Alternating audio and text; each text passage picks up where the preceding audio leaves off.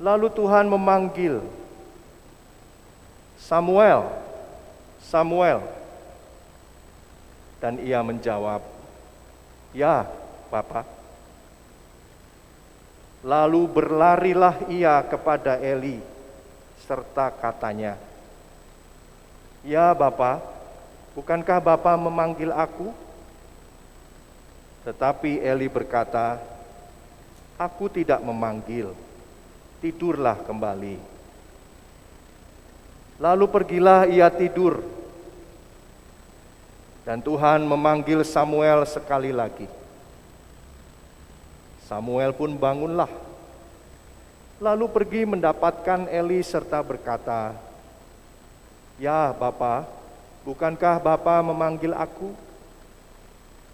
Tetapi Eli berkata, "Aku tidak memanggil anakku. Tidurlah kembali." Samuel belum mengenal Tuhan, firman Tuhan belum pernah dinyatakan kepadanya. Dan Tuhan memanggil Samuel sekali lagi untuk ketiga kalinya. Ia pun bangunlah lalu pergi mendapatkan Eli serta katanya, "Ya, Bapa, bukankah Bapa memanggil aku?" Lalu mengertilah Eli bahwa Tuhanlah yang memanggil anak itu. Sebab itu berkatalah Eli kepada Samuel, "Pergilah tidur, dan apabila ia memanggil engkau, katakanlah, Berbicaralah Tuhan, sebab hambamu ini mendengar. Maka pergilah Samuel tidur, Samuel dan tidurlah ia di tempat tidurnya. Lalu datanglah Tuhan berdiri di sana dan memanggil seperti yang sudah-sudah. Samuel, Samuel, dan Samuel menjawab, Berbicaralah sebab hambamu ini mendengar. Lalu berfirmanlah Tuhan kepada Samuel, Ketahuilah, aku akan melakukan sesuatu di Israel, sehingga setiap orang yang mendengarnya akan bising kedua telinganya. Pada waktu itu aku akan menepati kepada Eli segala yang telah kufirmankan tentang keluarganya dari mula sampai akhir. Sebab telah kuberitahukan kepadanya bahwa aku akan menghukum keluarganya untuk selamanya karena dosa yang telah diketahuinya.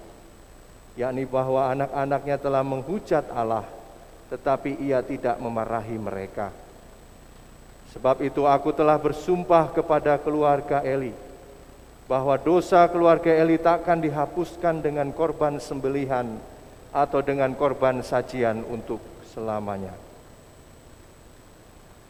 Samuel tidur sampai pagi, kemudian dibukanya pintu rumah Tuhan. Samuel segan memberitahukan penglihatan itu kepada Eli.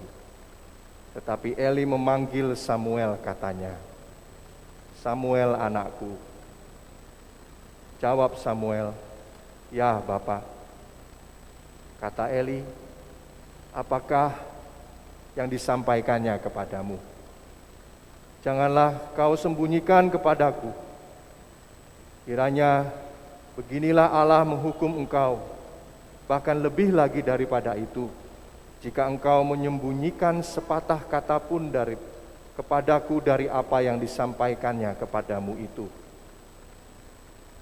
Lalu Samuel memberitahukan semuanya itu kepadanya dengan tidak menyembunyikan sesuatu pun. Kemudian Eli berkata, "Dia Tuhan, biarlah diperbuatnya apa yang dipandangnya baik." Dan Samuel makin besar dan Tuhan menyertai dia. Dan tidak ada satupun dari firmannya itu yang dibiarkannya gugur. Maka taulah seluruh Israel dan dari Dan sampai Berseba bahwa kepada Samuel telah dipercayakan jabatan Nabi Tuhan. Dan Tuhan selanjutnya menampakkan diri di Silo. Sebab ia menyatakan diri di Silo kepada Samuel dengan perantaraan firman-Nya. Demikianlah sabda Tuhan yang menyapa kita pada pagi hari ini. Berbahagialah setiap orang yang mendengarkannya, memelihara, dan terlebih yang melakukannya. Haleluya.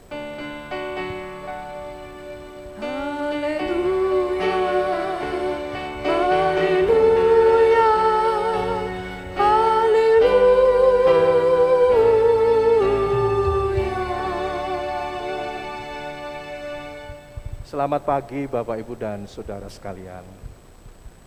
Selamat pagi juga Bapak Ibu yang berada di rumah atau di tempat masing-masing yang beribadah bersama-sama melalui kanal YouTube PKP Jemaat Bandung. Bapak Ibu yang terkasih, apa yang kita nantikan pada saat kita menunggu kelahiran anak pertama atau cucu pertama. Apa yang kita nanti-nantikan Bapak Ibu dan Saudara yang terkasih?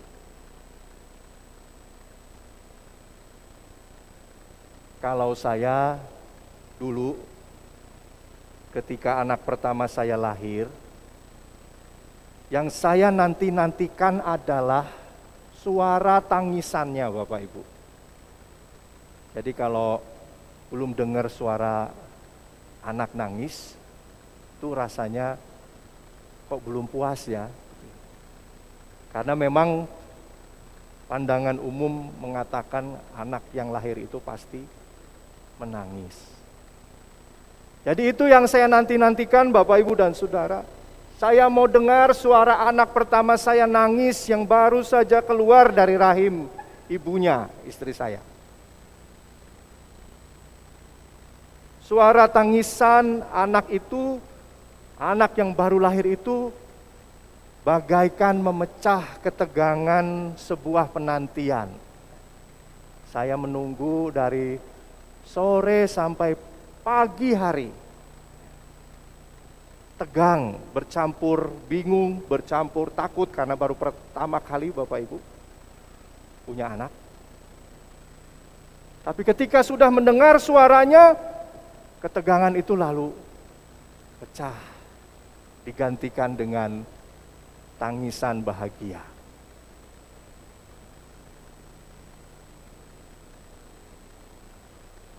Yang pertama kali kita lakukan, atau yang saya lakukan pada waktu itu adalah mendengarkan, menunggu untuk bisa mendengarkan suara anak pertama saya. Ketika kita mendengarkan, memang yang seharusnya kita lakukan adalah memberikan perhatian sepenuhnya. Mendengar adalah sebuah seni dalam memberikan minat, memberikan perhatian, menunjukkan kesabaran kepada orang lain. Siapa sangka, Bapak, Ibu, dan saudara yang terkasih, Samuel yang masih muda itu dipercaya oleh Tuhan. Bukankah pada waktu itu suara anak-anak tidak diperhitungkan? Bagaimana bisa seorang anak dapat menjadi pemimpin? Samuel dididik oleh sosok imam besar yang bernama Eli. Tugasnya ialah menjaga tabut Allah dan mengisi minyak lampu rumah Allah agar tetap menyala sepanjang malam.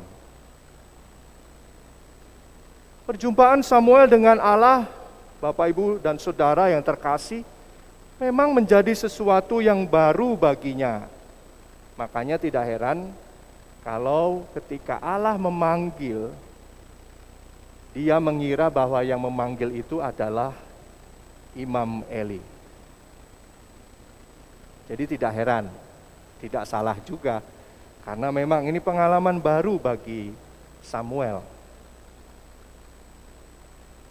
Namun Bapak Ibu dan Saudara yang terkasih, dengan bergegas kita lihat dalam kisah ini, Imam Eli menyadari bahwa sesungguhnya Tuhanlah yang hendak menjumpai Samuel dan memberikan perintah kepadanya.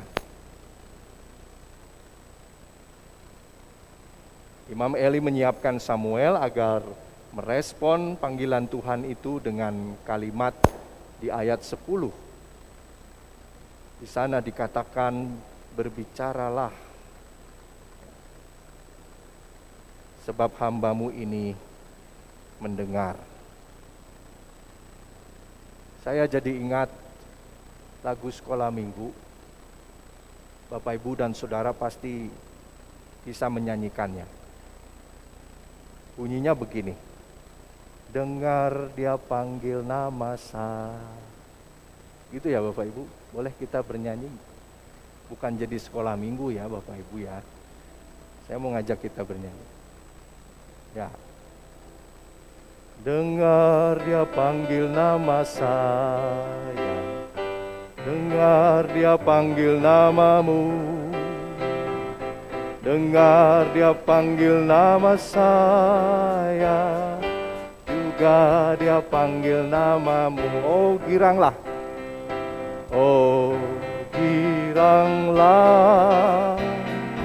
Oh giranglah Tuhan Yesus amat cinta pada saya.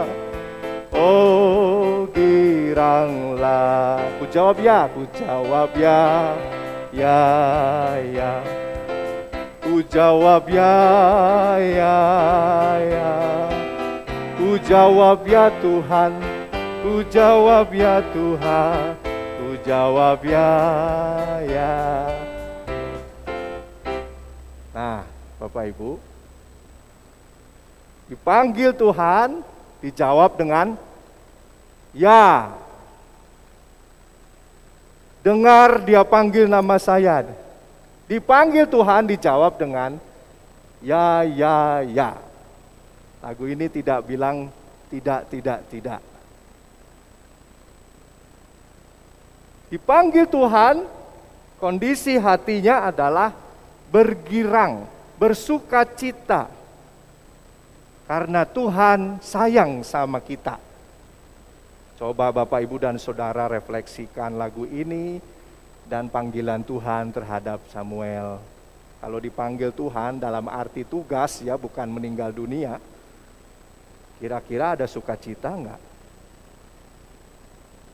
Mana dulu yang kita dahulukan? Menggerutunya atau sukacitanya? Saya yakin jemaat Bandung mah sukacita semua kalau dikasih tugas pelayanan. Puji Tuhan. Ya. Dikasih perintah yang mengejutkan Bapak Ibu dan Saudara. Samuel dikasih perintah yang mengejutkan, yaitu untuk menyampaikan hukuman Allah kepada keluarga Imam Eli yang tidak lain adalah ayahnya.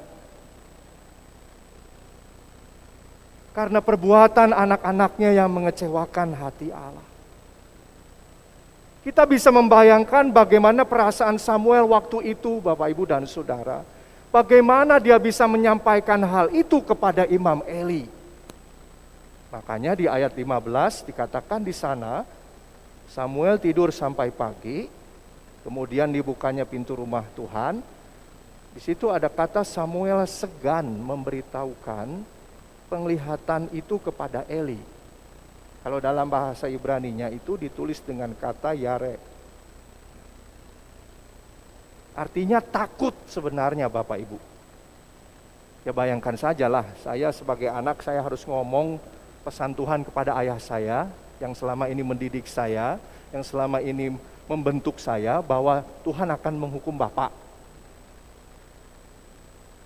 Kalau dalam budaya kita itu namanya kurang ajar ya. Tidak sopan.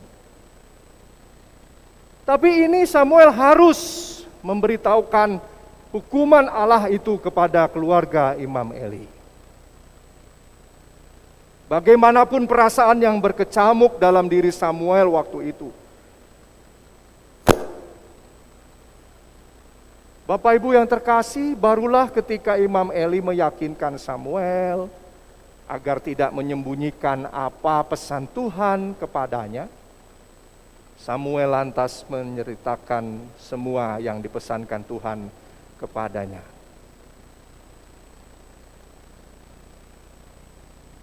Tuhan memang telah memilih Samuel dengan otoritasnya Bapak Ibu yang terkasih. Meskipun dia masih sangat muda.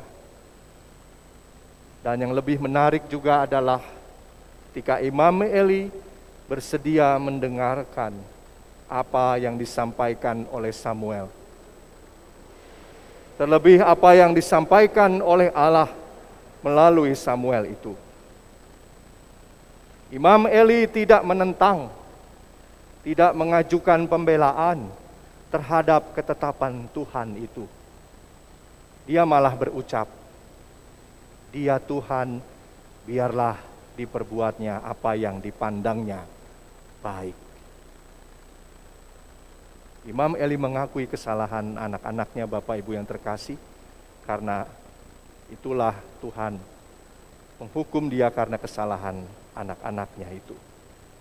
Sebagai orang tua, Bapak Ibu dan Saudara yang terkasih, di minggu pekan keluarga kita ini, kita belajar dari sikap Imam Eli yang menerima, mengerti keputusan Allah dengan lapang dada meskipun berat ya. Karena ada saja Bapak Ibu dan Saudara orang tua zaman sekarang ketika anaknya berbuat salah, misalnya di sekolah, bukannya memperbaiki perilaku anaknya, malah menyalahkan pihak lain. Yang terjadi, anak-anaknya bukan semakin dewasa dalam bersikap, tapi malah sebaliknya, semakin seenaknya berbuat salah karena merasa dibenarkan, karena merasa beroleh pembenaran dari orang tuanya. Samuel dituturkan dalam kisah ini juga semakin besar dan disertai Tuhan. Kemudian dipercayakan kepadanya jabatan sebagai nabi Tuhan. Ini memang kontras Bapak Ibu dan Saudara dengan apa yang dilakukan dan dialami oleh anak-anak Imam Eli. Tapi dari kisah ini kita memperoleh gambaran tentang otoritas Allah di mana dia dapat memilih siapa pun. Mau itu anak-anak, masih muda atau orang tua pun dengan cara yang unik untuk mewujud nyatakan kehendaknya kepada kita. Jadi kita nggak bisa membatasi kehendak Tuhan atas kehidupan kita. Dia bisa memakai siapa saja. Kitalah yang kerap menganggap remeh bahwa anak-anak masih belum dapat diberikan kepercayaan.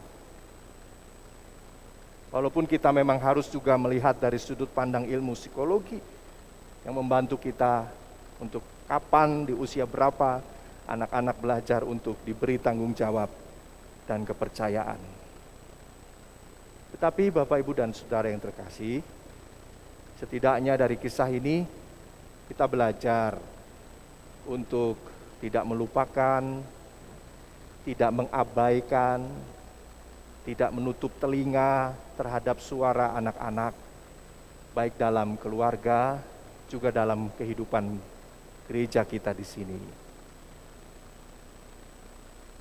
Karena kecenderungan kita tadi, Bapak, Ibu, dan Saudara, kita menganggap kemampuan bicara itu lebih hebat, lebih bagus ketimbang kemampuan mendengarkan.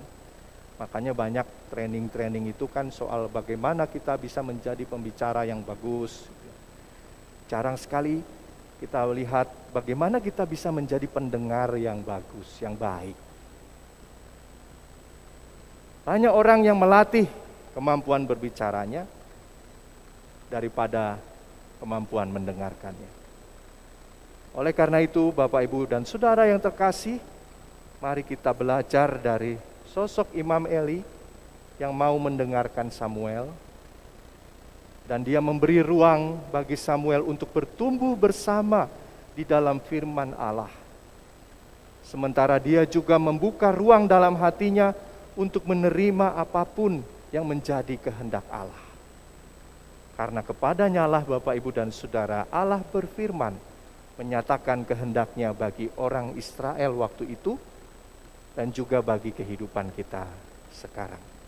Tuhan Yesus memberkati dan memampukan kita semua. Amin.